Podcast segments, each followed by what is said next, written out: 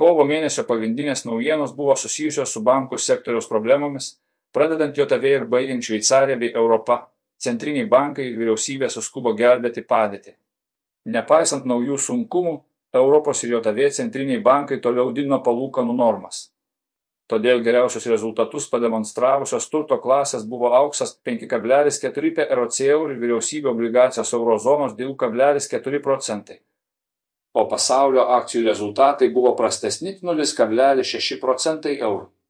Iš pasaulio akcijų blogiausiai pasirodė finansų minus 10 procentų eurų ir energetikos minus 4 procentai eurų sektoriai, o geriausiai technologijų sektoriaus akcijose 7 procentai eurų. Euras sustiprėjo JAV dolerio atžvilgiu, kaip rodo istorija. Jei centriniai bankai labiau padidina palūkanų normas, atsiranda sąlygos atsirasti rimtesnių problemų.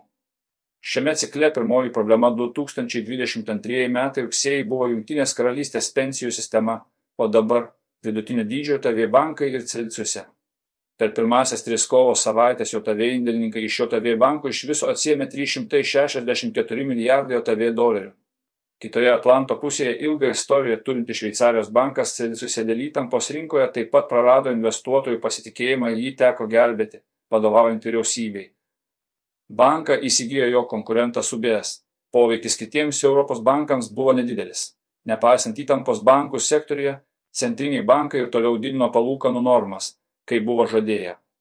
Kovą ECB padidino palūkanų normas 50 bazinių punktų iki 3,5 procentų, o FED 25 baziniais punktais iki 4,75 procentų, tačiau tuo pat metu JAV ir Šveicarijos centriniai bankai suteikė didelę likvidumo paramą bankų sektoriui.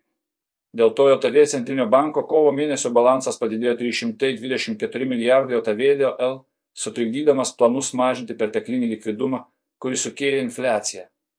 Įvykiai bankų sektoriuje taip pat pakeitė palūkanų normų prognozes.